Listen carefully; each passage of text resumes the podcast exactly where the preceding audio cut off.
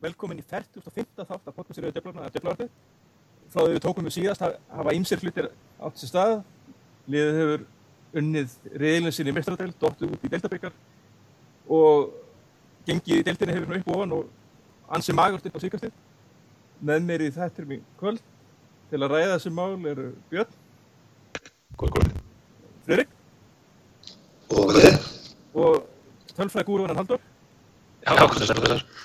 Herru, frá því við tókum við síðast, þá gerum við markuleg stjættlöp við Liverpool, við unnum Tottenham 1-0 og töpum fyrir Chelsea og, og svo töpum við unnum við Arsenal öruglega 3-1 og töpum svekkjandi 1-2 gegn sitt í, í frekar afskaplega slökum leik og síðan hefur bara með einstak, einstaklega undantekningu bara verið þetta vombriða rönn þanga til á nýjastag.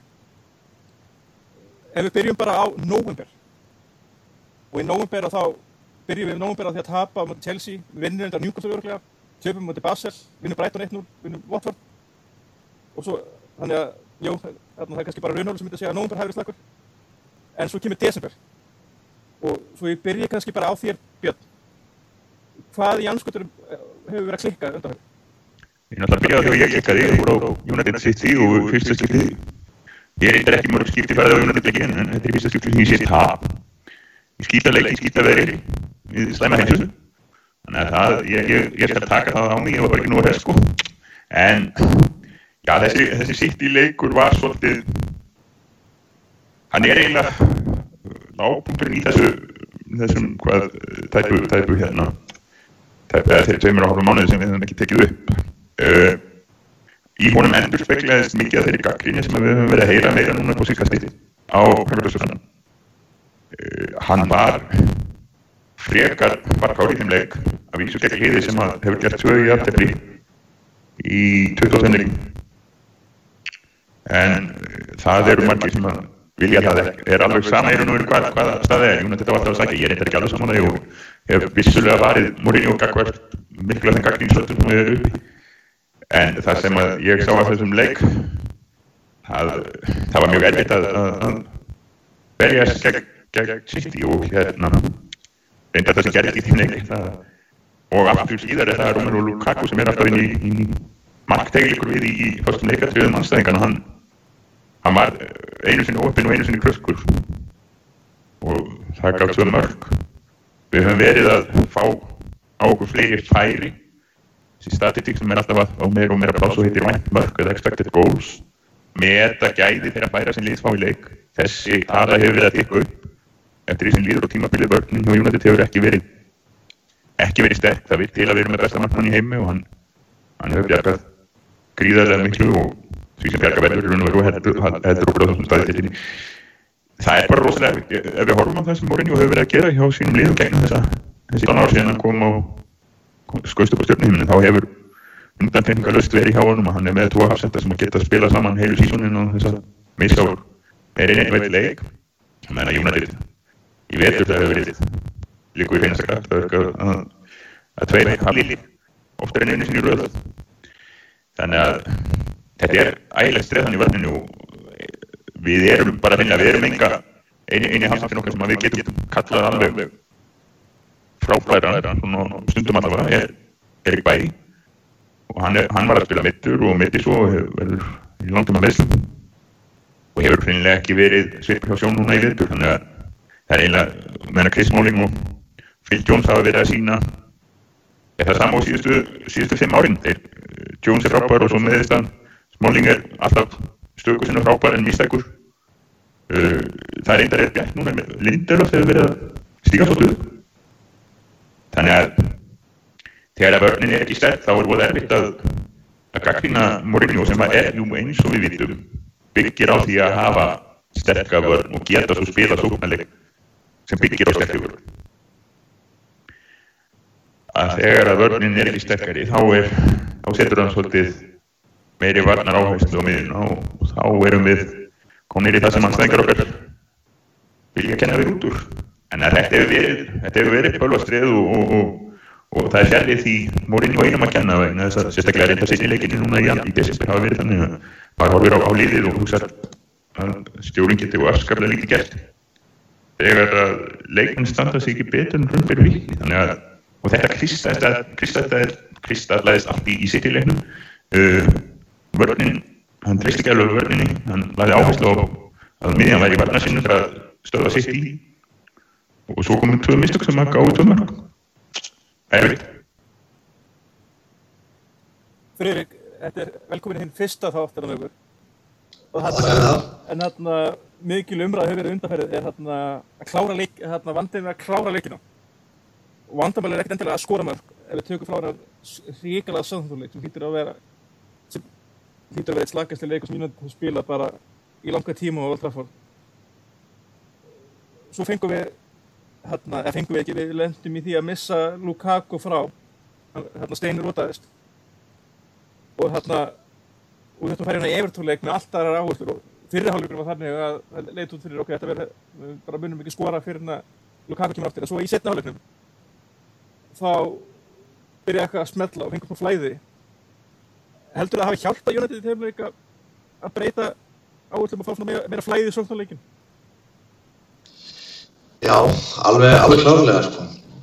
Uh, við sáum það eftir þessi börnuleiknum þegar voru einu stiltið bæði Zlatan og Lukaku þá virkaði liðið rosalega styrkt. Og það var ekki þessi snerpa og þessi hraði framöð sem til dæmis hérna Lingard gefur með. Og hann er náttúrulega búinn að vera að stíga svakalega vel upp, hann er komið með held ég hvað sjömörk í deltinni og, og, og fjóra stóðsendingar og, og það er síndi þessi svolítið vel ég sem reynda sá ekki nema bara rétt brot úr og alveg brot úr sáðandarleginum sem ég geti fyrir svona með lýsingar sem það er fengið. En jú, það er klart mál að það er allt allt öðru í áherslur og, og, og allt öðru allt öðru í sig allir öll uppbygging og sóknum þegar við erum ekki með svona stóran sterkan törn framist úr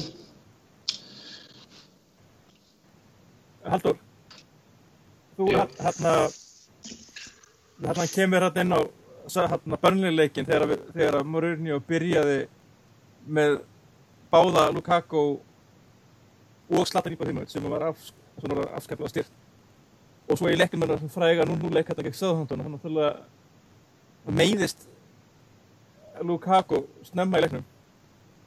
Heldur að það hafi slegið bara liðið út á leið? Uh, já, það, það, það var náttúrulega líka bara, þú veist, það er ekki bara það meiðist, það er líka bara hvernig hann meiðist, þú veist, það, það liggur þarna lengi og þú veist, það virðist, þetta virkaði nú bara frekar alvarlegt, en svo reyndar sem Petur fyrir komað ljós eftir leikina, þetta var ekkert alvarlegt og hann talaði um það líka uh, í sí- síðasta leik að Mourinho að, að Lukaku hafi, að honum hafi, hérna, þess að hann hafi sagt sjálfur að hann væri nógu hrestu að spila, það hafi bara verið bara varúðar ástöðun að, að hann þannig að- en það er náttúrulega er bara þarna á, á leiknum það sem hann liggur inn í að honum er bara haldið liggjandi kjörrum og það er bara, bara með súrumlikrímu sko. þetta er þetta er ekki þægilegt fyrir leikmenn að upplifa slíkt sko. þannig að það er þetta menn séu kannski eitthvað eftir sig eitthvað, einhver, tíma jafna sig eftir það en, en hérna þetta var kannski þú veist, þið komast nú ekki, ekki alla leið með þá afsökun sko, að afsöka þessa framistuðu bara með því sko, því að hann náttúrulega var nú eftir að leiknum og hérna, þú veist, þetta voru líka bara ef maður tekur bara skot tölfræði í þessu leik, sko, þú veist, það var hérna, marktilrunir, það var 15 marktilrunir móti átta, eru á ramman, þá voru það þrjú og þrjú, sko, þannig að þetta var nú ekkert, þú veist, það voru engin sérstakir yfirbyrðir og þetta var bara bitlaust og þetta var, maður hefur stundum hugsað þetta núna í síðustu leikjum, svona kringum jólin, þessum, þessum sko, dauðu, dauðu leikjum og þá bara myndi þetta mann ofta á bara hvernig liðið var að spila hjá vangar að því leiti að það bara virka oft eins og vantaði allt, uh, allt sjálfströst í liðið. Það var bara eins og það væri engin, ekki sérstök trú á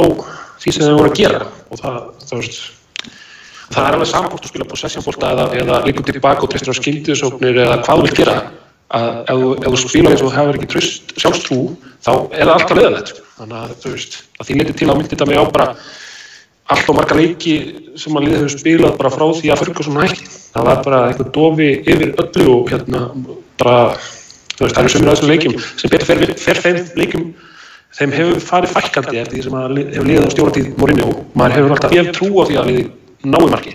En svo koma svona leikir eins og mútið í sáðandum, það sem að það sem að er bara einhvern veginn ekkert í gangi, ekkert að breyta.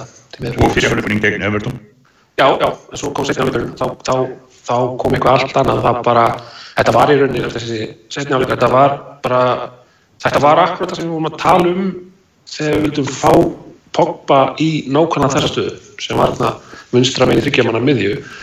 Og þarna gekk það, því ég, meina, ég veit að veist, þetta er ekki fyrsta skipti sem hann hefur reynt þetta og þetta hefur ekki gengið alltaf svona vel, en þarna einhvern veginn smalt þetta og, og það hefði mikið að segja bæði með sko, að hafa Pogba þarna að hafa líka þarna og jafnvel einhverju leiti að hafa Luxjó þarna líka. Það, þetta brallur sem vinstri vængur virtist bara alltaf stór hættur í setja áleik og ég held að bara hægri hægri, hægri varnar helmingur Everton hefur bara við fegnast því þegar hérna, þegar dómurinn flytta af Samt var hann svo sko að bæði mörgjum voru skott fyrir utan þegar ja, við, við þeim.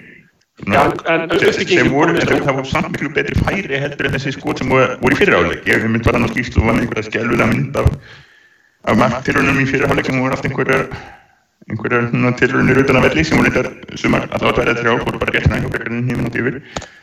En það var það, það, það vantaði samt biti sko. Það var Marcial húraði sitt marka ekki af því að það var einhver strækjar hann inn í teig heldur að því að hann var óvaldaður fyrir utan sem það vita til syngi Já, það var samt, sko, undirbúningur kom samt á mjög flottur, sko, það var í rauninni bæði þú kemur með, sko hlaupið frá linga inn í teig sem að trubbar bæði bakurinn hægra megin og miðverðina sem að skilur eftir plássýrunni bæði fyrir Pogba að koma þarna inn á tegin og líka í rauninni skilur eftir pláss fyrir Martial að við fyrir réttur utan teig og þeir í rauninni bara einbjöta sér því að, að, að, að því að virkar eins og Pogba sé að hérna sé að fara að ráðast inn í, í teginn komið fyrirgjöf, en svo kemur það bara með þessa fáralega sendingu sem er utanfótar svona, tæknin í þessari sendingu er alveg fáralega að, hérna, og, og finnur náttúrulega Marcial að gapati fyrir hann og hann gerir bara mjög vel í að, í að hérna, klára það færi. En það líka, þú veist, þegar þú komin fyrir utan tegi og þetta, sko, þetta góður spilnumæri, þetta ofn færi þá bara, þú veist, þá er hætt, hætt á ferð sko.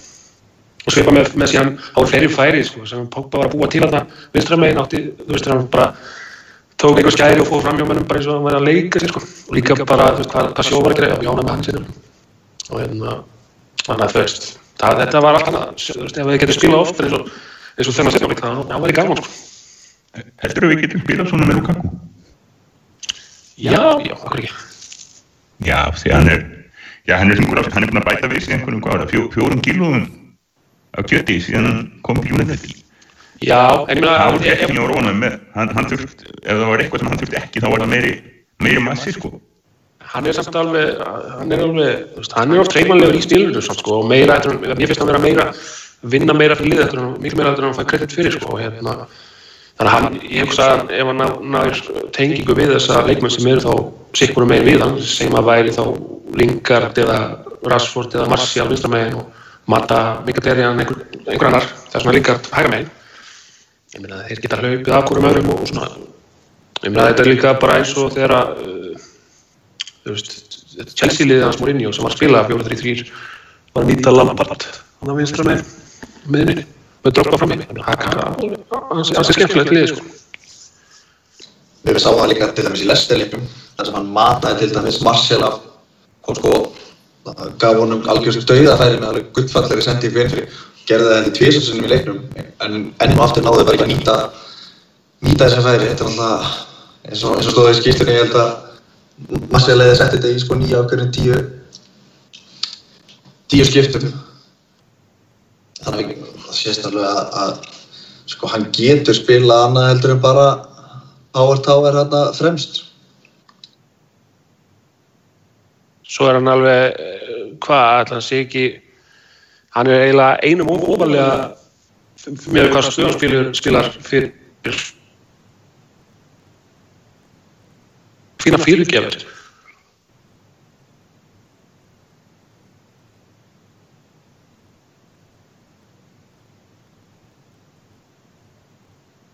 En það er eitt sem ég hef ágjur af, aðeins minnir eitthvað eftir hennan Evertónleik og það er þetta, þannig að við vitum að Zlatan kom bara og snemma tilbaka úr meðslum og hann á eftir að taka einhverja vikur í, í að ná sér á því en, ég er smá ágjur af því að hérna, nú kom þetta vel úr með massið uh, senja áhugunum út Evertón en nú erum við eitt af því sem hefur verið hjá okkur að það, að það er engin alvöru kampmaður hjá okkur.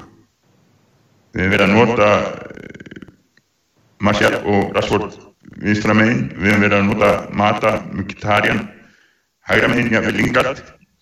Sérstaklega við erum með 3-2-1 eða eitthvað svo leiðist og, og við, sem þetta Rashford og, og Martial eiga heita center frekar en þú veit að vera að spila og ofta ágætlega sérstaklega þegar þú voru að róta hérna fyrstu 2-3 mánuðinu en ég hef ágjörð því að hérna, þegar Lukaku meðist þá er eins og það var eitthvað sem að Mourinho sagði sem að fekk mig til að hugsa. Hann væri ekki að hugsa um Martial og Rashford sem center. Hann væri bara hreinlega ekki nógu ánægð með það sem center. Sem ég hef sem ágjörð að verða þess að ef að ég er ég, ég er rosalega spenntur fyrir þeim báðum sem center um næstu ári og það er ástæðan fyrir því að ég er alveg sattu að þeir séu að spila sem kantmenn á meðan þeir eru að ekki, get, get ekki slegir Lukaku út úr liðinu en ef að mér að segja þegar Lukaku er ekki er mittur þá, þá sé það ekki alveg sjálfgefið að við höfum þannig að tvo fína settiræð sem geta bakkað hann um ég veit ekki alveg punkturinn kannski þessi er er Mourinho ekki hugsaðu sem settiræð en er búin að glemja því eða? Hvað er málið? Ég er hann ekki bara óana, óana með, með þegar hafi verið að spila þetta þeir hérna allavega til þess að Rastford undanfjörnum leikjum hefur bara virkað eitthvað en ekki nógu bara beittur, ekki nógu hérna ruthless þannig er að klára færa sér hérna hann fyrir ekki komið inn á hérna Lukaku gegn Leicester þegar hann var að leggja upp á bæði, Martial og Rashford og sem að hefður unni í báðum tölum hefði átt að bara undir eðlum kringlistum bara vera mörg og þá væri bara umræðan allt önnur og, og stemningin allt önnur þannig að ég hugsaði að sé nú bara fyrst og fremst að, að hann er bara ekki þegar það er spila fram með þá er hann bara þá finnst hann þeir er ekki verið að vera náðu góð er Það er eitthvað rétt sko, Rashford hefur aðeins staðað og, ég er reyndar ég get úr svarið að ég sá einhvern sem vilti losa þessi við hann.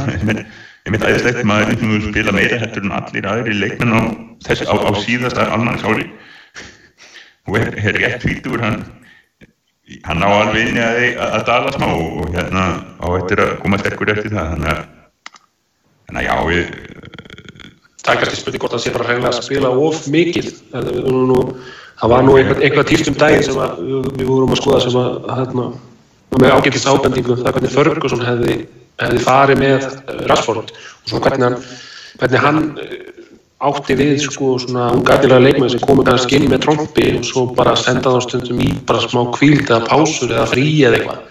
Og hérna tók smá svona tók smá álaga af þeim bara í smá tíma og komaði svo aftur inn í liðið og það var að, að náða einhvern veginn að gera það án þess að það erði frétt, það erði náttúrulega stór frétt núna ef hann, fær að taka Rashford í einhvern tíma úr liðinu, það, það væri erfitt að gera það núna án þess, án þess að það myndi þá bara í rauninni koma í andlíkamannum bara með meiri pressu sko. þannig að þetta er svona, það er svona spurning hvernig, hvernig er hægt að tækla það sem best en það er náttúrulega, þetta er leikmæður sem við spila mest síðan, síðan Veist Jú, jú, hann byrjaði náttúrulega svo svakalega vel að það er kannski eðlilegt að, að, að hann taki smá dífu við og við en, hérna.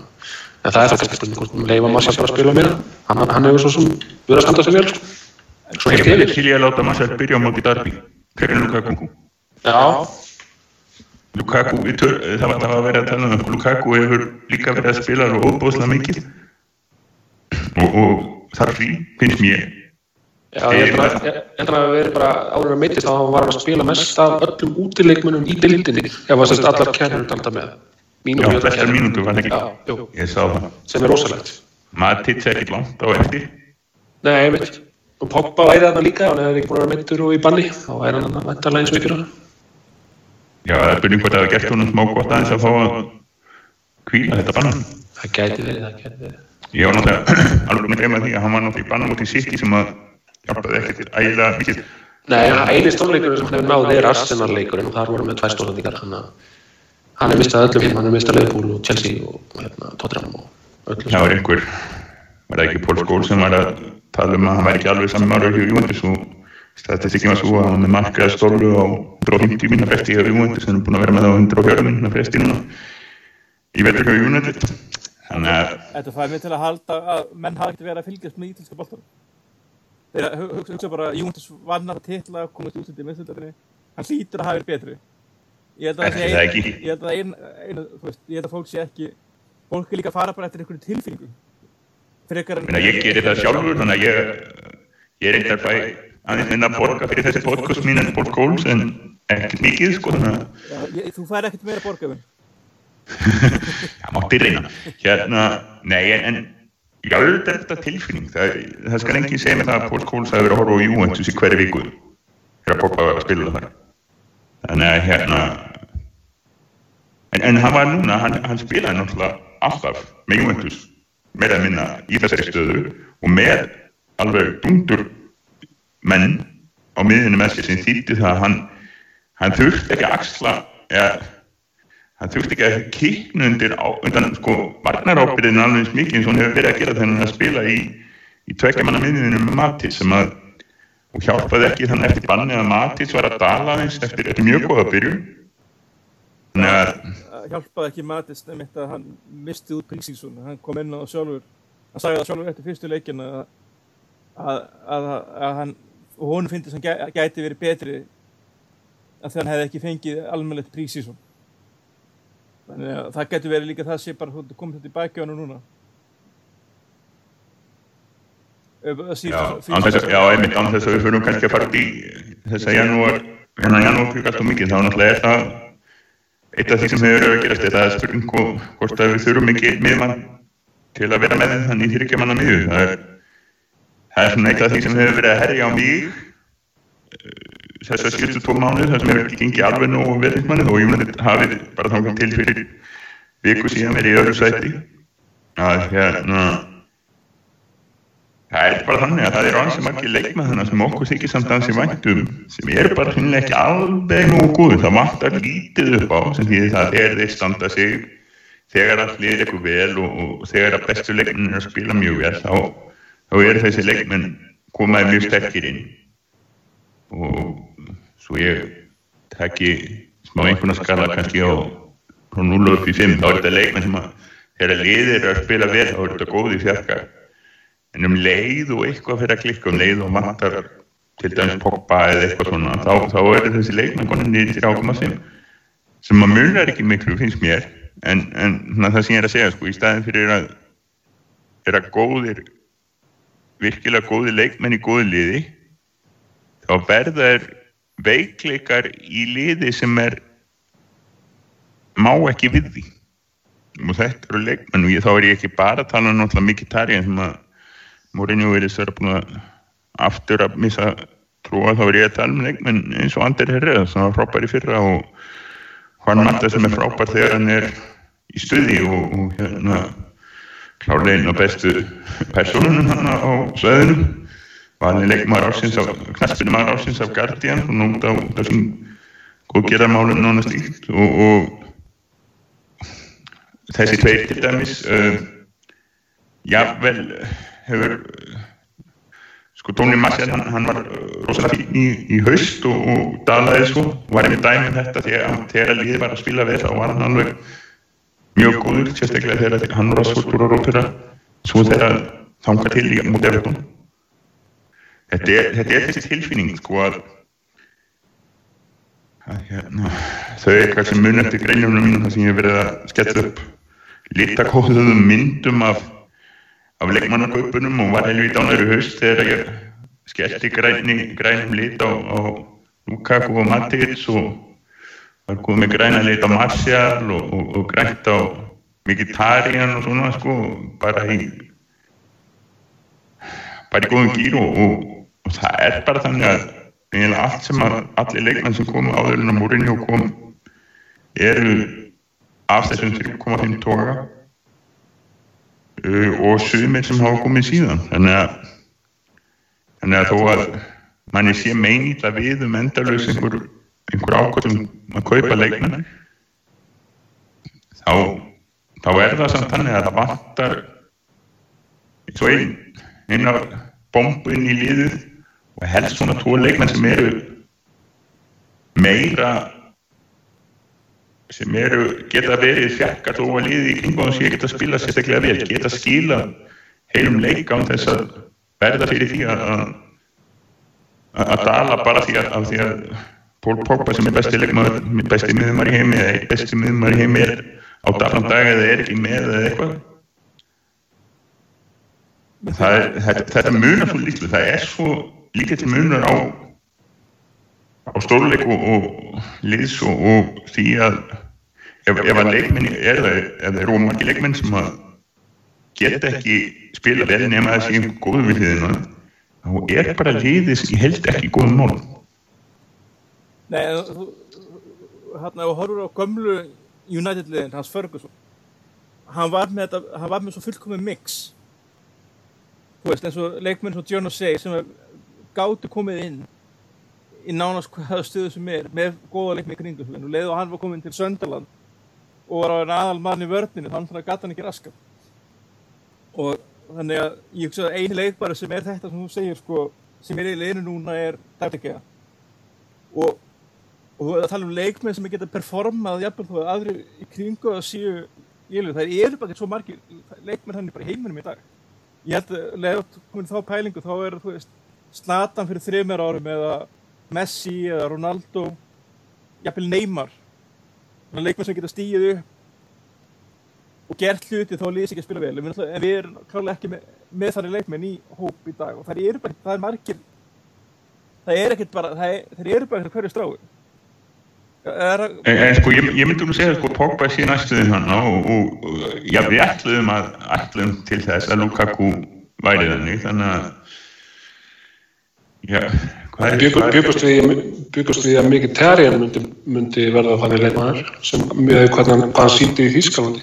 En, en, en það, það er ég, ég hugsa að séu fálið ég held að sé ekkert lið í toppbaróttunni ef við tökum þessi topp 6 lið held ég sé ekkert lið þar sem er jafn háð einum leikmanni eins og United er háð Pogba sko, eða það er að kemur þessu Já, Pogba er ekki með Nei, ef, við tökum þetta bara, ef við tökum sóknarliðina skilur, ef við tökum sóknar leikin sko, að þú Tottenham með Kenny og Tottenham líka með sko, hérna Eriksen sko og Ali City og De Bruyne Já, City líka með Silva, Sanne, Raheem Sterling Líka með Silva, Aguero, Jesus Já, ég segi það. Allir þessi leikmann eru sko... Þeir eru kannski, hinliðin eru kannski með leikmann sem er ábyrgandi, uh, hefur, hefur verið að standa sér ábyrgandi best, en þeir eru samt ekki með þannig leikmann að, að, að liðið myndi fara bara í baklás ef hann vantaði eins og United þegar Pogba vantar, skiljur. Það er það sem ég er að meina. En náttúrulega hinliðin eru með ábyrgandi stjórnur leikmann, en, en ekki, ekki alveg af háðunum eins og United er háð Pogba verðist vera sko, sem er, er mikið galli að, að, að, að þetta þýrst ekki að dreifst á, á fleiri fleiri fólkvölda hérna fætur.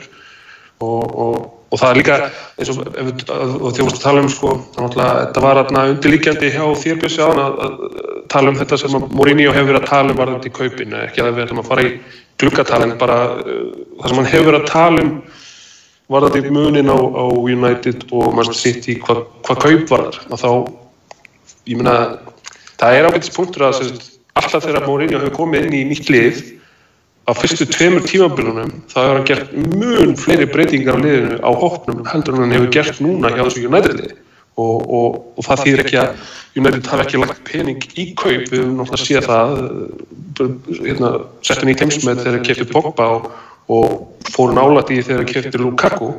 En á meðan þá við peppinu megin fyrir að fyrsta var hann búin að fá leikmenn áður en að kom af því að eitt af því sem að svona fer hvað mest kjöðar á mér muninum á Manchester United og Manchester City er að Manchester City verðist bara heilt yfir vera miklu skinsamlegar, skinsamlegar rekið knaspinu félag með miklu betri heildar sín og hvað þeir vilja gera heldur en Manchester United sem að Þeir eru náttúrulega með sko knaspir, þeir eru með íþrótastjóla Já, já, sem að, var það ekki vilja einhvern heldur vín, sko, Mourinho sem var, þeir eru búin að vera þannig í tvö á, eða þrjú á, komum Barcelona görðarnir, bara býð eftir Mourinho, nei, nei, hérna Pep, og réðum er sér að hvert jóla hafi ekki staðfest hver einustu kaup sem þið gerðu. Já, ég segja það líka, og þeir knastmistjóra sem voru á undan Pep, og þeir hafa vantilega að vita þetta líka, þegar þeir fengu í rauninu bara leikmenn upp í hendunar sem voru Pep leikmenn þannig að þeir voru með yfirsýn og, meiri segja að þú veist þetta er ekki bara, stýst ekki bara um aðalið þetta er líka bara hvað er að gera með úlingastarfið, hvað er að gera bara með kvennalið, þetta er bara að, það er svo margt sem er, þeir eru að gera vel, alveg burt sér frá því hvað maður setja aðtöðasendur um það hvaðan peningurinn kemur, að þá bara þú veist, hvernig þetta er rekið er svo það er svo vel gert að ég vil ágjör af því að þetta, er, þetta, er, þetta gæti verið eitthvað sem komið til, til að vera sko. Að þetta, það, þetta er ekki eins og Chelsea ég meina Abramovits Chelsea ma, maður hafði alltaf á tilfinningunni að bara já, meina, þeir vinna titilin en þetta ættir að vera, þetta ættir að dala og það, skilur, þetta fer alltaf í ruggl og eitthvað það því að það var og fór ekki stjórum sko, sumir betri en aðrir og alltaf hugsa til það var ekki solid yngvöðastefna hjá Chelsea sko. Nei, en alltaf hugsa skamtíma en Manchester City vilist ekki hugsa skamtíma og það, það hæði mig sko, en meðan United virðist vera svolítið í þeim pakka þegar við sjáum það bara að þessi Úti hefur orðsalega gaman að kaupa stórunarninn sko Já, þessi þrýr aðal sem að, já, þrýr aðalstjórar sem hafa verið síðan Ferguson hætti Giggs náttúrulega kannski, veist, ekki, til, eh, ekki kannski, hann er ekki tekið með þessu, að þeir eru svo, veist, það er ekki eins og að sé neitt samhengi á milli þeirra. Er svona einmitt þegar Mourinho tekur við að Van Gaal, ég meina hvað, ég meina hvað, þú veist, það er ekkert skrítið að, að leikmennir hendi honum ekki eins vel. Og hann síðan, ég meina þegar hann var að tala um því síðasta sögumar, já, ég, ég þarf fjóra leikmenn, fjóra leikmenn, að þá, þá svona, já, nei, þú veist, þú þarft fleiri og hann veit alveg bótið en hann hefur vantilega bara þú veist, ég kemst upp með að fá bara fjóra einn og hann fekk ekki eins og allar fjóra einn, hann fekk þrjá einn og meðan og, og og veru tvo og hálfan þess að Lindelöf var alveg vita já, já, það var ekki að fara að koma inn. Það var hrein og klár hefn í raun og veru að hvað bæ kom vel inn sko fyrsta tímafélaginu sínu sko. Þannig að er fyrir að kaupa einhverja tvo rock solid hafsenda og verið keipt í tverjafnilegir og þeir, já, bæði í stóðs ég verið fyrir og síndi hvað getur og Lindelöf er aðeins að stígu upp núna meðan, meðan til dæmis Pep, hann fær að kaupa miklu fleiri leikmenn en þannig líka komast þeir að, einhvern veginn komast þeir upp með að borga miklu minna fyrir sína leikmenn. Þeir eru að kaupa mikið af 40-50 miljónum punta leikmennum og það, veist, það bæti liðið miklu meira að kaupa hvað, 5-40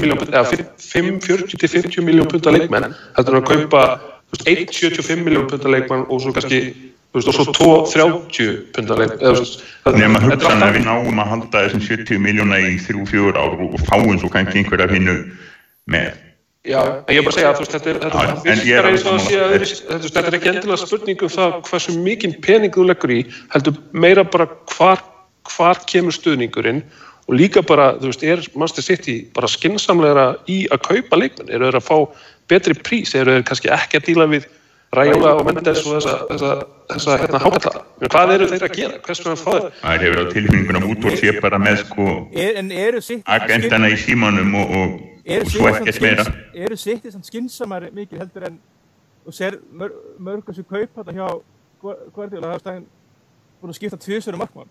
Já, það er ekki mörg, það er undartekningin, en það er alveg rétt, það er, er góð punktur hjá þér. Ég meina, þú veist, getur ímyndaðir, ímyndaðir, hvað er þið sagt um Mourinho, ef hann hefði tekið við liði, hent landstíðsmarkmanni Englands út úr hóknum fyrir markmann sem kann ekki að verja í bolta fyrir 17 miljónir og á, strax árið setna losaði sig við hann fyrir sko 30 miljón punta leikna markmann. Já, veist, það, hann er ekki kallaður hugrakkur eins og Pep en, en þetta er bara, þetta er samt, er samt, er samt útskýrið þetta er svona dæmið um það hversu mikið hvernig stuðning hann fær, það er bara, já, ekki máli það er bara, kiptu nýja markmann í fyrra en þú þarf nýjan, er bara, fyrir út og fá nýjan. Og hérna, og það var líka með hann hérna, sóknamann Nolito sem fekk inn í fyrra og fór svo strax sumar eftir. Og hérna þá var Jesus kominn hann í januar og þetta er bara veist, er bara, er bara stiðjan skilur og, og hérna ég er ekkert að segja veist, þetta segja eitthvað til fyrirmyndur að sólunda peningum eitthvað bla bla bla. En þetta er bara En getur ekki verið bara að máli sé bara þú veist þarna það sé ekki endala betur ekki þó ég er, er ekkert alltaf hrifin af hvernig útvært er að handla hlutina en það er hann að sagja En, en getur ekki verið að bara að Guardiola bara einfallega að fá að ráða? Og, og er hann bara með, er hann kannski bara með meira frelsi heldur um Mourinho Já, alveg, alveg pottið, af því að það náttúrulega, þú veist, í gegnum hvernig fer, fara kaupin hjá City, er það ekki bara þessi vinnur sem að séu það, eða hver, hver semur? Fyrir beint í gennum, hann er ekki... Hvað Bekker Istana, hvað heitir það? Bekker Istana, Já, ég vil að þeir... þeir þeir eru vantilega bara kort að geta saman já þeir eru bara kort að geta saman og, en það, það sem er aðalega maður að pæli sko þú veist þegar það eru að kaupa þú veist De Bruyne, Jesus, Sane þú veist svona level af leikmönnum ofan í það sem var fyrir uh, þú veist, hvernig, hvernig komast þér upp með að borga ekki 70-90 miljónir fyrir þessa leikmenn? Er það bara því að United, er, er það United skatturinn eða hvað, þú veist, hvað er það? Það er United skatturinn, sko, ég held að, Ja, ykkur leiti en, en ekki, ekki samt öll lína, það er eins og Pep, ef Pep kemur núna, þú veist, það hlýtur að vera ykkur Pep skattur líka, það come on. já, ég veit það ekki, sko, það er hérna, já, ég meina það, það verður, það kemur í lótt núna, sko, það, það, það er náttúrulega svakalega verðbólga allt í einu komin frá og með Neymar.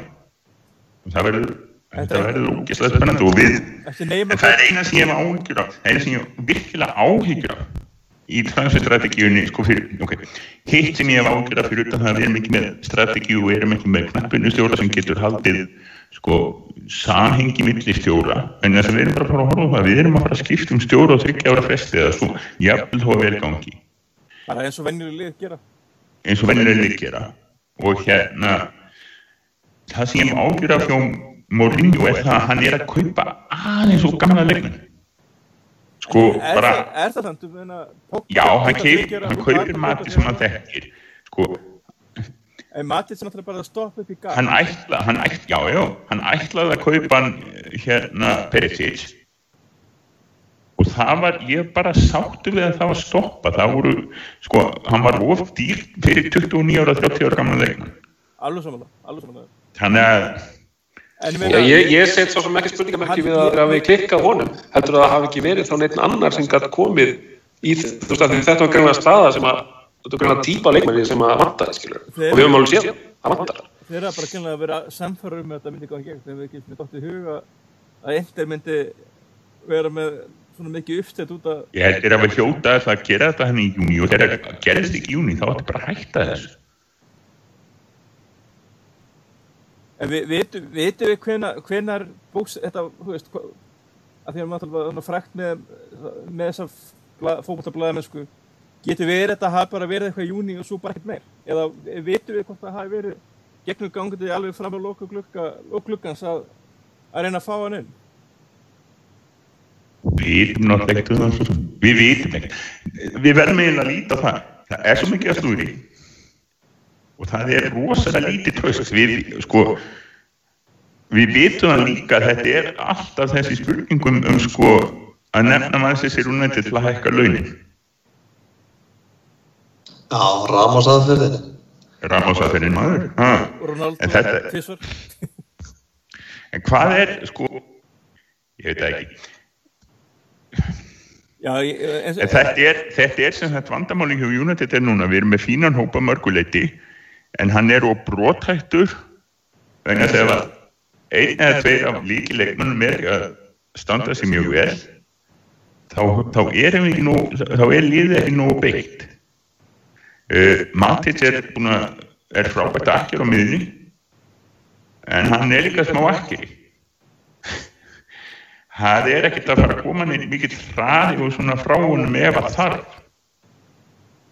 Þannig að það var, það var eitt af því fáa sem ég virkilega tók eftir á þessum City, United City leik var það að Kevin De Bruyne sem er einn af beittustu mönnunum fram á við í bóttanum bæði að skora og uh, gera stóðsendingar, kannski ekki alveg mikið og, og lingard reyndar en, en hann var komið hann að því að maður situr nú frekar nála þegar maður situr í þessum uh, íslensku sætum.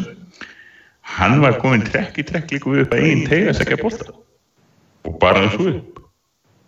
Var, það er eitthvað sem að Matic gerir ekki.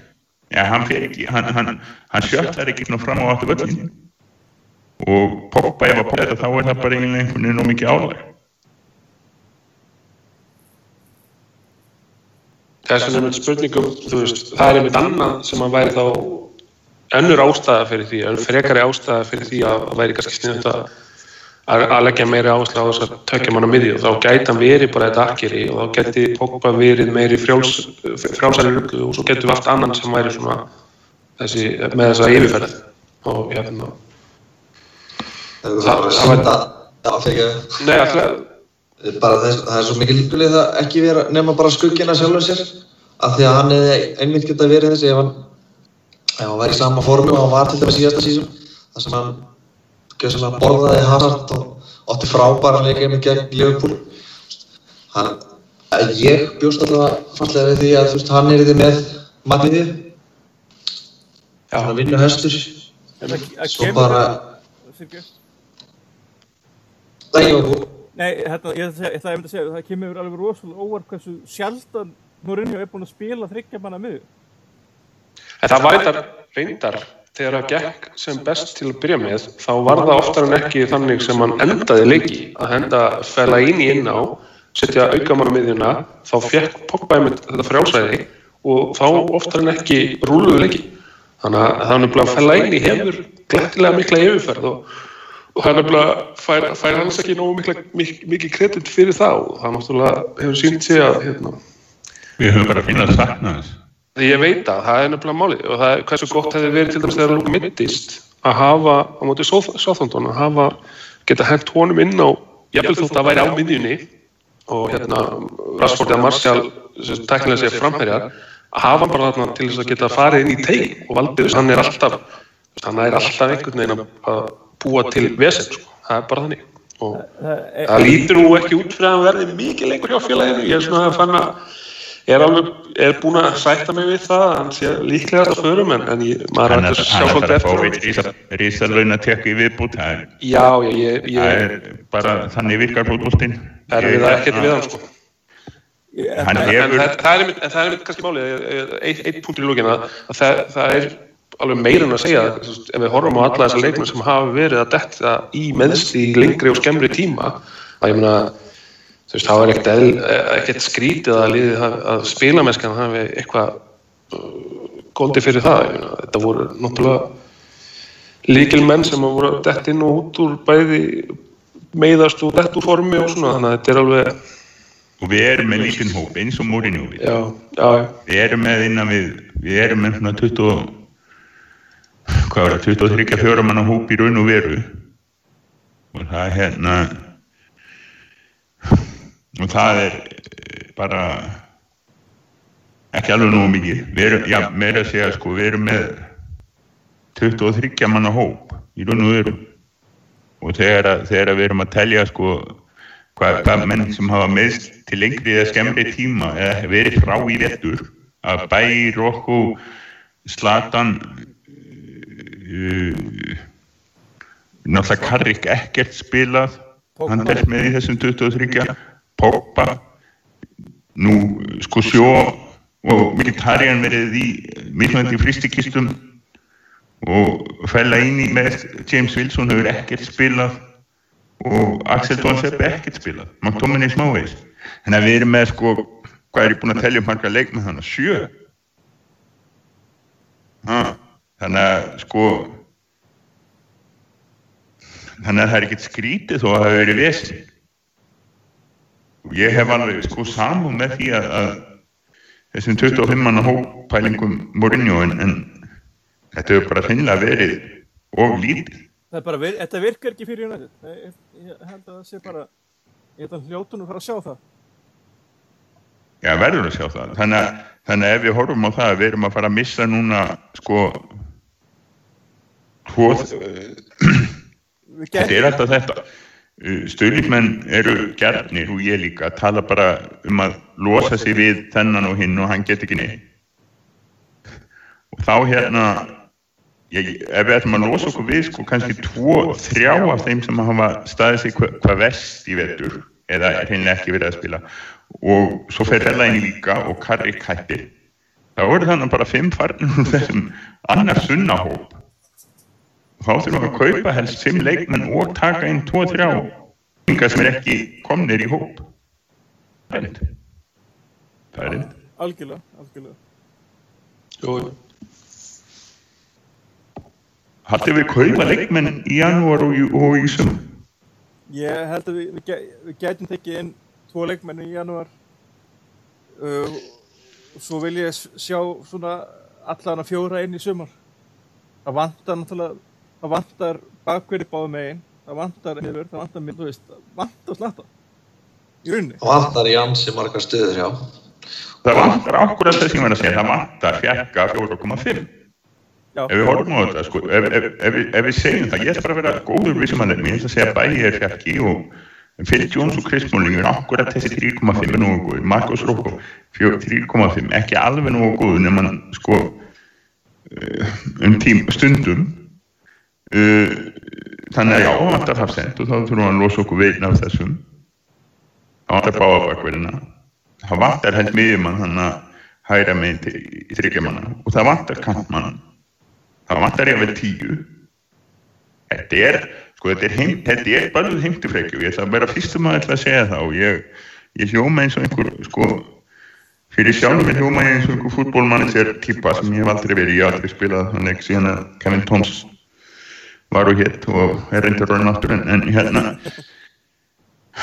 En þetta er bara Þetta er bara veruleikin. Þetta er bara... er það ekki, er, er ekki bara þannig við þurfum að uppgreita þess við erum hreinlega tveggja metra maður að, á, á hérna venjulegu farimi, við þurfum að uppgreita í Economy Plus Ég, ég, ég er alveg samfæðileg, en þetta held ég að, þú veist, ég taldi upp að hérna vanta og það eftir að enginn sé ósamálaði. Og meira sér leikmenn eins og Mata sem að við, okkur þykir öllum úla vendum, en það verður að vera bara, bara virkilega bara, bara topp manneska. Fyrir utan það að geta verið á sínum degi frábær fótballtamaður. Þá er hann náttúrulega, er hann hvað nálgast þrítu. Og og þú nefndir Matis Kimmerinn sem er náttúrulega 29 ára Þú veist, það eru margir leikmennarna sem eru bara veist, við erum náttúrulega nefnum Karrek sem er, er líka bara búinn því miður að því Já, ég held að hann sé ekki að að koma aftur inn, sko. Ekki með að við... Já, hvað er hann eitthvað búinn að spila annað en byggarleiki á þessu Ég er tíma? Já, Spil- bara- spilaði einn byggar hann spilaði einn leik og fa- fann til þessa veikinda eitthvað, eitthvað, eitthvað hjarta, hjartveiki eftir það sko. þannig að hann er hann er líklega bara, bara farin sko. Ég, ég hérna leið mér að vera bara dramatískur og taka svolítið svona hjörfan haflega yfirlýsingarkliði. Ég hugsa ef, ef að Karek spilar ekki leikir með þetta Darby þá er hann bara alveg búinn. Ég held að það sé bara þannig. hann gæti, gæti fengið hverðjuleik gæti fengið hverðjuleik einhvern tíman í vor þú veist, gæti, gæti séð það fyrir mér ef hann Var hann ekki veist. að, var búinn að fá testimonial eða ekki? Var það ekki bara núna? Jó, nei, ég, ég menna bara, þú veist, það er síðasti leikur í deildinni og skiptir yngur máli, þá kannski færa það, sko. Það færa skipt, kannski skiptingu inn á síðustu mínutnar eða eitthvað. Já, eitthvað svoleiðis, eða, eða hefur skiptingu út af. Já, ég, það fer bara eftir hvernig, hvernig, Já, fyrir eftir hvernig hann er aðalega, en, en jú, kannski líka hvernig, hvernig staðan er í deildinni, hvort það sé eitthvað undir. Já, en hérna, en Morinni er búin að tala, nefndist á það bara fyrir nokkur vikum um þetta að, hann vilji hafa Karrik í klefanum, hann þeir vilji, er áhugi hjá, hérna, hjálfur að teiminu að fá hann inn í þann hóp. Ég held að, ég held að hann sitt akkurat típan sem að væri góður til yng, yngri leikmanna til að byrja með, kannski. Já, og svo hérna, að við, við vorum að tala um, við vorum að tala um hann einhverja stefnuna hérna hjá City og, og það er búið ára hérna, þetta áberandi umræða núna síðustu viku, það hvað verið að hrósa húnum Guardiola fyrir að hafa náð svona miklu út úr Raheem Sterling sem að allir vita að- að 50 miljón pundar maðurinn maður já. Ah, þessi, þessi efnilegi 50 miljón pundar maður Nei, Úhú. nei ég, ég ég er að meina þennan hérna, strák sem að Guardiola uppgötaði bara á götu, spila fótbolta og ákvað að gefa bara hendi samning og bara gefa hennu séns. Við að haldið miður hvernig umræðan hefur verið. Er náttúrulega- það er náttúrulega út í hött. Og, og svo núna bara var bara hvort það var bara í dag þegar hann- var hann að kvarta yfir sko leikjálinn þá var það já, hann er til sín máls en þegar Mourinho nefnir það bara um daginn þá var hann að væla. Það er, þetta, það er skemmtilegu bæjas í boltarum. Já, bara líka, þú veist, öll þessu umræði kringu það þegar hann hérna, þegar hann var að tala við hann að sáþánduleikmannin eftir leik, Já, já. Þegar kom og svoleiðis urðaði yfir hann fyrir að spila ekki sóknabólta og allir bara, já, hann er bara rúsun. Hvað, þú veist, Það þetta var bara, það var fáránlega hrókafull fram, fram koma um maður. Það var bara Mourinho það. komið arkað inn og bara, já, spilaði ekki meiri vörn, þú ert miklu betri varnamaður en þetta, þú ert alltaf bara ekki sókninni bara, Þú veist, já, hann hefði örgulega fengið bara pepp fyrir þetta. Það er samt rosalega gaman að því hvað Lingard hefur komið rosalega sterkur inn og hann hefur sko Það bara farið frá því að við vorum hætti alveg flestir á því að að Lingard væri toppmaður í hóp sérstaklega með United hjartað og alltaf tilbúin að koma inn og, og skila sínu og Big Game Jesse og allt það sko. Já, sko, við hérna í reitstjórn, það voru alls ekki allir United stjórn sammála okkur í því, sko. það, voru, það, það var ekki vinsalasta skoðunin á landinu sko. En þetta er bara og hann hefur raun og veru staðið sig bara líku einna best af öllum framlíkjandi mönnunum okkur síðustu sko þessa erfiðu en hann erfiða tíma hérna sé- frá því að Pogba fer í bannið og fella inn í meiðist. Þetta er einmitt það sem ég vildi koma inn á hérna, með Guardiola og Sterling sem bara rétt bara skjótt inn í hér og en að, sá- þá hljótu við að mega fara fram á það að Mourinho fái rós fyrir hvernig hann er að gera, draga fram Jesse Lingard. Algjörlega, sko. En ég líka er líka til bara helviti mikið hróskili að hafa stíð upp sko. Já, af því að ég er að vera að tala um hérna alltaf á til um menn sem er ekki að stígu upp sko. En Jesse er búinn að vera einmitt í leikjum þar sem við höfum verið að spila arfa en þá er hann aldrei gefist upp og verið maðurinn til að og endanum skorað og lagt upp og bara finna að vera að gera hlutin það er ekki bara, það er líka hann. Hann á alveg, alveg mökk hróskili fyrir það. Besta tíst vikuna var þetta hann og endur áfram að stígu upp og þá verður hann þessi venjulega United. Hérna syndahafur þegar England klúra hlutunum á, á HM í sumar sko. Og hitt var sko Lingard og Young í ennska landsliði, hversu ekki? Já, mættu það, er eitt líka smá rant sem er langa, ekki beint rant, en svona eitt sem er svona, umræðan er stundum kreisið þegar búið að koma United í vetur og, og kannski ofta áður að, að hvert einasta skipti sem United vinnur leiki að þá er hann, já, eitthvað hinni voru lélega, bla, bla, bla, eitthvað þetta voru, þetta var hvort sem er bara eitthvað leikur er búinn, bla, bla, jæti, jæti, jæta. En, og, svo, en, en, en, þú veist, sem basically því það að alltaf því vinnum mörgum þá skiptar ekki mál, þá er alltaf frávik en, en einu réttu niðurstöðnar eru þegar eru leikirnir á móti eru sáhundarleikur þá er það allir orðin bara þið rétta United og en ekki- Raungeta, liðsins. Já, þetta fer svo í Já. töðunar á mér og það er margir þú veist, ég, ég, ok, bara ég skila vel að margir fíla ekki veist, hann er ekki allra, sem er allt í lagi en þegar að stöðnustan United eru að fucking sko býða eftir þessum leikjum til að geta bara raunað yfir stjóra það, þetta er svo þreytandi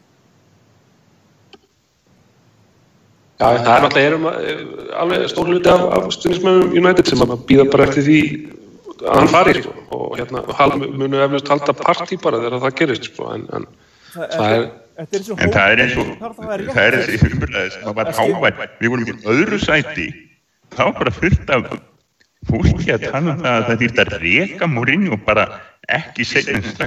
Ég er alveg sáttu við það ef við, ef við sko, ef að tímabili endar þannig að, að það endar ekki nú vel, endar ég vel með því að við förum ekki í Evrópumeistaradeildin og eitthvað svona, þá er ég alveg til í að taka góð og duglega umræðu um það að að Mourinho sé komin á endast. En þegar við erum í öðru sæti í deildinni og eftir sko besta liði í síðustu ja, allavega, allavega síðan að United vann 1900 eh, 2009 segju og jáfnvel lengra. Var ekki inn í esta gjörsamlega óstöðandi liði. Inn í esta sem, inn í esta var held ég held að örgur inn í esta var að tala um að veri besta liðið í Evróp í dag. Já, það er ekkert langt frá því. Ég hverja Barcelona reyndir að spila mjög vel og, og svo þetta kemur að því. En, en maður verður aðeins að slaka á. Við erum þetta er ekki algott. Og þetta er ekki, en þetta, þetta er ekki það að við erum að tala um að, að, að reka stjóran það vantar allt samingi en eins og fólk, eins og sé aldrei eitt kontekst ég fór, fórum þetta að spá. Eða fyrir ekki, fyrir ekki. Ja, sumir vilja bara vinna alla leiki 4-0 eins og í upphæfi sísón þegar það leit bara þannig út að við ætlum að vinna annarkvæmt leik 4-0 sumir verða bara drullu fúli þegar það, það gerist ekki. Og það er náttúrulega eins og maður veit að það er aldrei að fara að gerast. Það er ekkert sem er að fara að vinna 4-0 alla leiki Nei, ég meina, Nei, ekki, eins og þetta sitt í lið það er- náðu ekki að vinna þú veist. ná- náðu ekki að skora með sem náðu ekki að skora nei. en það er einum mitt það sem ég ætla að segja líka sko, að ég hugsa þú veist, þegar við tökum þetta þess að dífu sem kom núna í desember það var þarna eftir sittileikin að það, þá í rauninni þú veist, það má eiginlega segja að deildin hafi verið þú veist að svona, það þarf, það þarf eiginlega ómikið að gerast til þess að maður trúi því að, að, að, að sé nokkur spenna að það hafi verið nokkur spenna eftir í deildinni á þeim tímapunkti hvað það núna. Og hérna þegar þú ert, í, ert, ert liðið í öðru sæti og, og fattar það allt í hennu, ég meina saman hvað leikmenn segja þá, þú veist, þeir sjá alveg hvernig staðan er og hugsa með sér, já, ok núna er þetta bara spurning um topp fjóra. Þetta Þú bara veist, við erum í öðru sæti við höfum ekki lengur lið til að elda og þá kannski, ég meina, er það þá kannski skrítið að menn missi aðeins þú veist, hversu, hversu svona, þegar þú veist að mótivera þig að því að eins og til dæmis liðið sem eru fyrir aftan United, Chelsea, Liverpool hvað þá liðið sem eru undan við topp fjóra eins og Spurs og Arsenal, þau hafa sko eitthvað að hlaupa að, eitthvað að elda og meðan United er bara, já, þú veist sleppur á við topp fjórir eða eitthvað meistrætildasæti að hérna sem er voðalega hættulegt sko. það er hættulegt og ég er ekki, ég er ekki að segja að þetta sé eitthvað, eitthvað góð afsökum fyrir, fyrir því að formin dali er en, en, en er maður eitthvað hissa á því ef að það gæti við eina af ástæðan fyrir því að, að liðið datt svona aðeins niður? Ég, ég, ég myndi allavega að skilja þetta Það hjálpar til að skýra, þetta eru skýringar sko, ekki þetta, þetta gæti bara- þetta, gæti- nei, þetta gæti- gæti verið mö- mögulega ástæða. Ég, ég meina, þú veist að þegar hefur ekki leng, lengur að þessu að keppa þú veist, það getur hann reynt að móti verið að segja, jú, jú, sýtt ég að fara að tappa hérna. Þú veist, 15 leikum í röðu eða eitthvað en þú veist, það er, við vitum alveg, það er ekki að fara að gerast. Þannig að þá kannski, ég meina það er ekki sama motivationin að vera í fyrsta sæti og finna að liðin fyrir aftan þeirra nálgast og að vera í öðru sæti vitandi það að þú getur droppa niður tvö sæti þegar þú veist að einhver lið er nálgast. Kannski, kannski eru þegar farin að leikmenn þegar farin að hugsa um sko, já, ég meina, við getum þarna unnið byggarinn eða, eða reynda að komast í úrslitin í meistardildinni eða eitthvað. Maður er reynd að mótivera sig við- fyrir það en það er náttúrulega mjög hættulegt að því að þá, þú veist, ef þú ert búin að dala í formi þá getur ekki allt í einu snúið því við fyrir einn byggarleik eða eitthvað, skilju Nei, það er mjög góð punktur. Ég var reyndar að kíkja þess á það. Mér sýnist þeim svo að United hafi fengið á sig jafn mörg mörg í desember eins og síðustu þrjá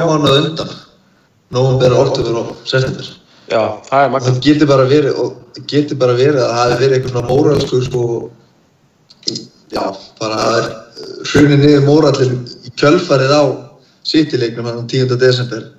Og menn bara séð, herðu þarna, við erum ekki að fara að ná þeim. Og Svo Þá náttúrulega nýju leikir í desember sko, svakalegt álag og einn á nýjástag Já, tíu leikir frá öðrum desember til fyrsta janúar. Líkamlega og andlega þreita í gangi með þér og líkanlega andri reyta vantaði, Pogba vantaði fælla inn í. Þetta er en ég held að sagt, ef við, erum að telja þetta sem ástæður þá er þetta ástæður sem eigum að geta að sjá hverfa sko, núna.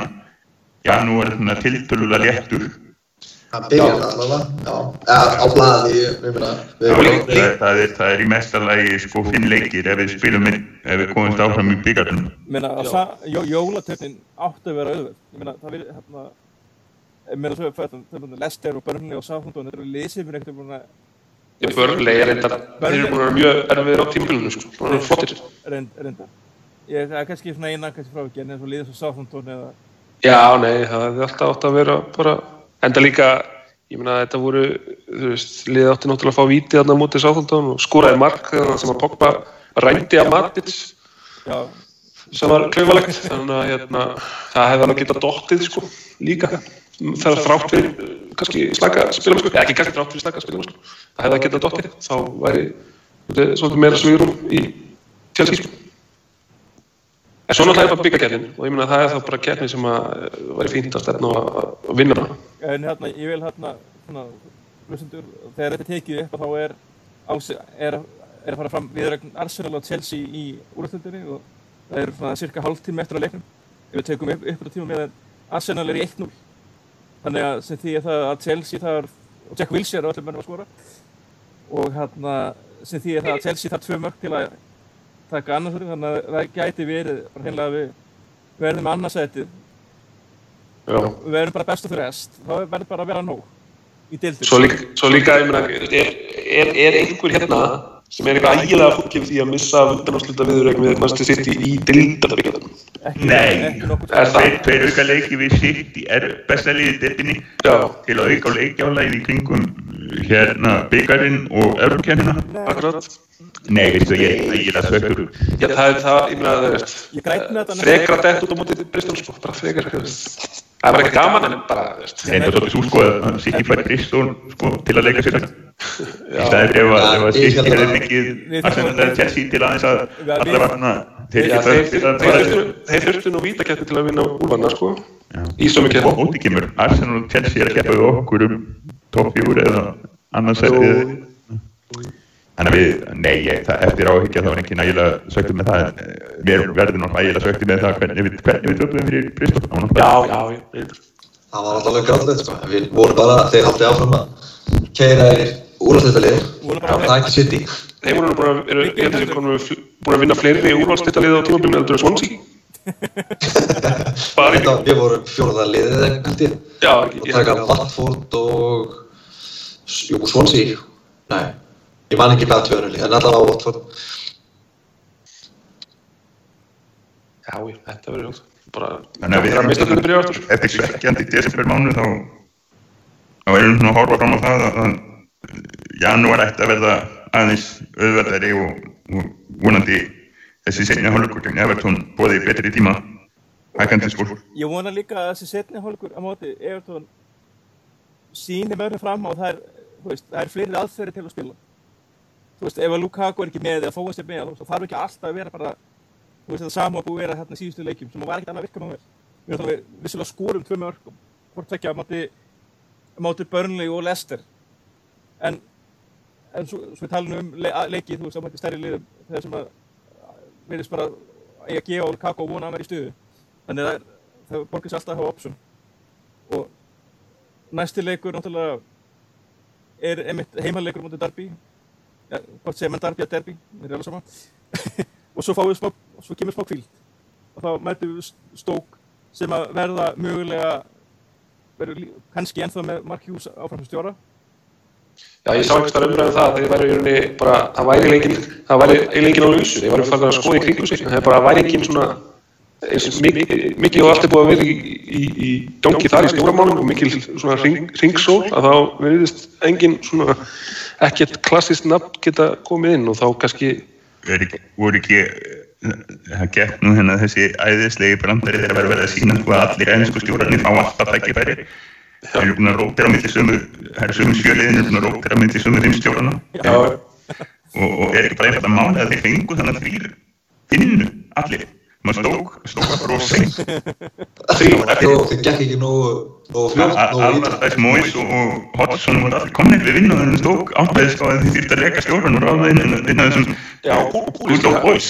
svo, fór Púlis í, í Championship, Býta ha, Það er hann tók, ekki við middlstofn, Jú, Eða hann tók middilsbrók, já, þannig að það, það hjálpaði náttúrulega stóki í neitt, sko. Hann hefði hann einhvern tíma farið aftur til stóki, ég veit það en ekki. ég að segja að það er þetta nafn sem að þeir hefðu getað mögulega hann í, svo góð, hann er búin að vera hjá fjó- þrejum fjórum liðum að þessu. Já, já. En, eh, hérna, en þið veitir hvernig það er einski stjórar, þeir fá allir inn í tækifæri. Mm. nei, klálega ekki, klálega ekki. Það er- erfitt líf fyrir miðalda kvita karlmenni sko, frá Englandi sem er er, þetta er, þetta er hard knock life. En, allavega, en, en, en það er kannski þá spurning hvort það séu einhver, einhver jónvægt stundingsfólkspennandi sem vilji grípa gæsina þegar hún gerst og, og taka Mark Leslie Hughes. Þegar þannig að það Það er reyndar besti, eða Leslie Mark Hughes eins og hann heitir reyndar og eins og, og sem er jónvægt stundingsmenn tjósa lítið á það eftir hann, eftir hann fór til Chelsea og Everton og hefur sérstanlega gott öll til United síðan hann fór. Þá hafa margir, eða mörg sagt að, að það var svona Mark Hughes sem að leikur í United en það er sem sagt Leslie Hughes sem er búin að vera leikmaður annars framkvæmdastjóri. Já, Það er sem að það er nú fyrsta hann hans. En, en, en, en, en, það er, en þetta er svona, þannig að ja, við, við, við, við munum eflust mæta honum þegar það kemur, hvað er ekki önnur helgi? Já. Jú, já, Jú, 15 það er ekki, já. 15. Hver er Darby núna? já, það er mámutasleikur. Já, við erum með fyrstaðsleik og svo mándagsleik og gott frí þannig Það er bara hægt að skella sér til Dubai eða eitthvað. Það voru þetta að að æfa, Já. að. Kannski fá einhvern meðstum, ef maður er Nei, heim. Búast bjart sýtt ekki með. Þetta er að skella til Dubai, en þú náttúrulega fegst launina hækkum fyrir potið sem að þetta sem Björn ekki. Sorry, það er að það er að halda stjöðuleika. En Það er að sigla skipinu í hver, er stjóri hjá Darby núna? Það er, það? það er eiginlega bara stórkostleg spurning og meðan ég er að þessa löngu Hann heiti Gary Rowett. Já, Já, hann er, hann er hjá Darby núna. Jeps. Þetta verður svolítið spennandi. Já, Það er nú hann í öðru sætinu og, og hafa ekki tappað síðan í nómumber og komið tíma á það. hvað er það 250 ára eða svo sem United er ekki beinni útsending í England í, byggarnum. já, herðu svo er með þetta Chris Martin, hann spila fyrir, fyrir Derby. Nú á, svona í hjáverkum. Já. Ah, já, nóg að gera hjá hann. Þannig að- sá sem, er á skýrslu, hann getur komið öðrum popbrandar að eftir, hinn frábæra lenn og nú kannski hann var góður. já, aðarandir. já, Það var rátt, þakka ykkur fyrir, þakka ykkur fyrir. Á Heroic. Og þarna, er það ekki bara, me- bara ekki bara kveðja þá hlustundur í bíli og stefna á að vera komnir aftur kannski mögulega að ræða hvernig okkur gekk á móti Leslie Hughes? Já, og það er aldrei vita nema að það verði einhver, einhver, einhver annar en Leslie en það verður bara, það býja fyrir tíma. En hérna Halldór og Björn og Friðrik svo okkur fyrsta skipti hérna. Ég þakka ykkur fyrir samveruna í þessum þetti Já, takk fyrir það. Hver? Er, yes. og fyrir hönd Ríðstjórnar Rauðu Deflana þá vil ég endilega bjóða okkur gleðilegt nýtt ár og, og gaman að loks að fá að bladra og töða fyrir, fyrir ykkur. Aftur við heyr- heyrið í ykkur bara aftur næst. Takk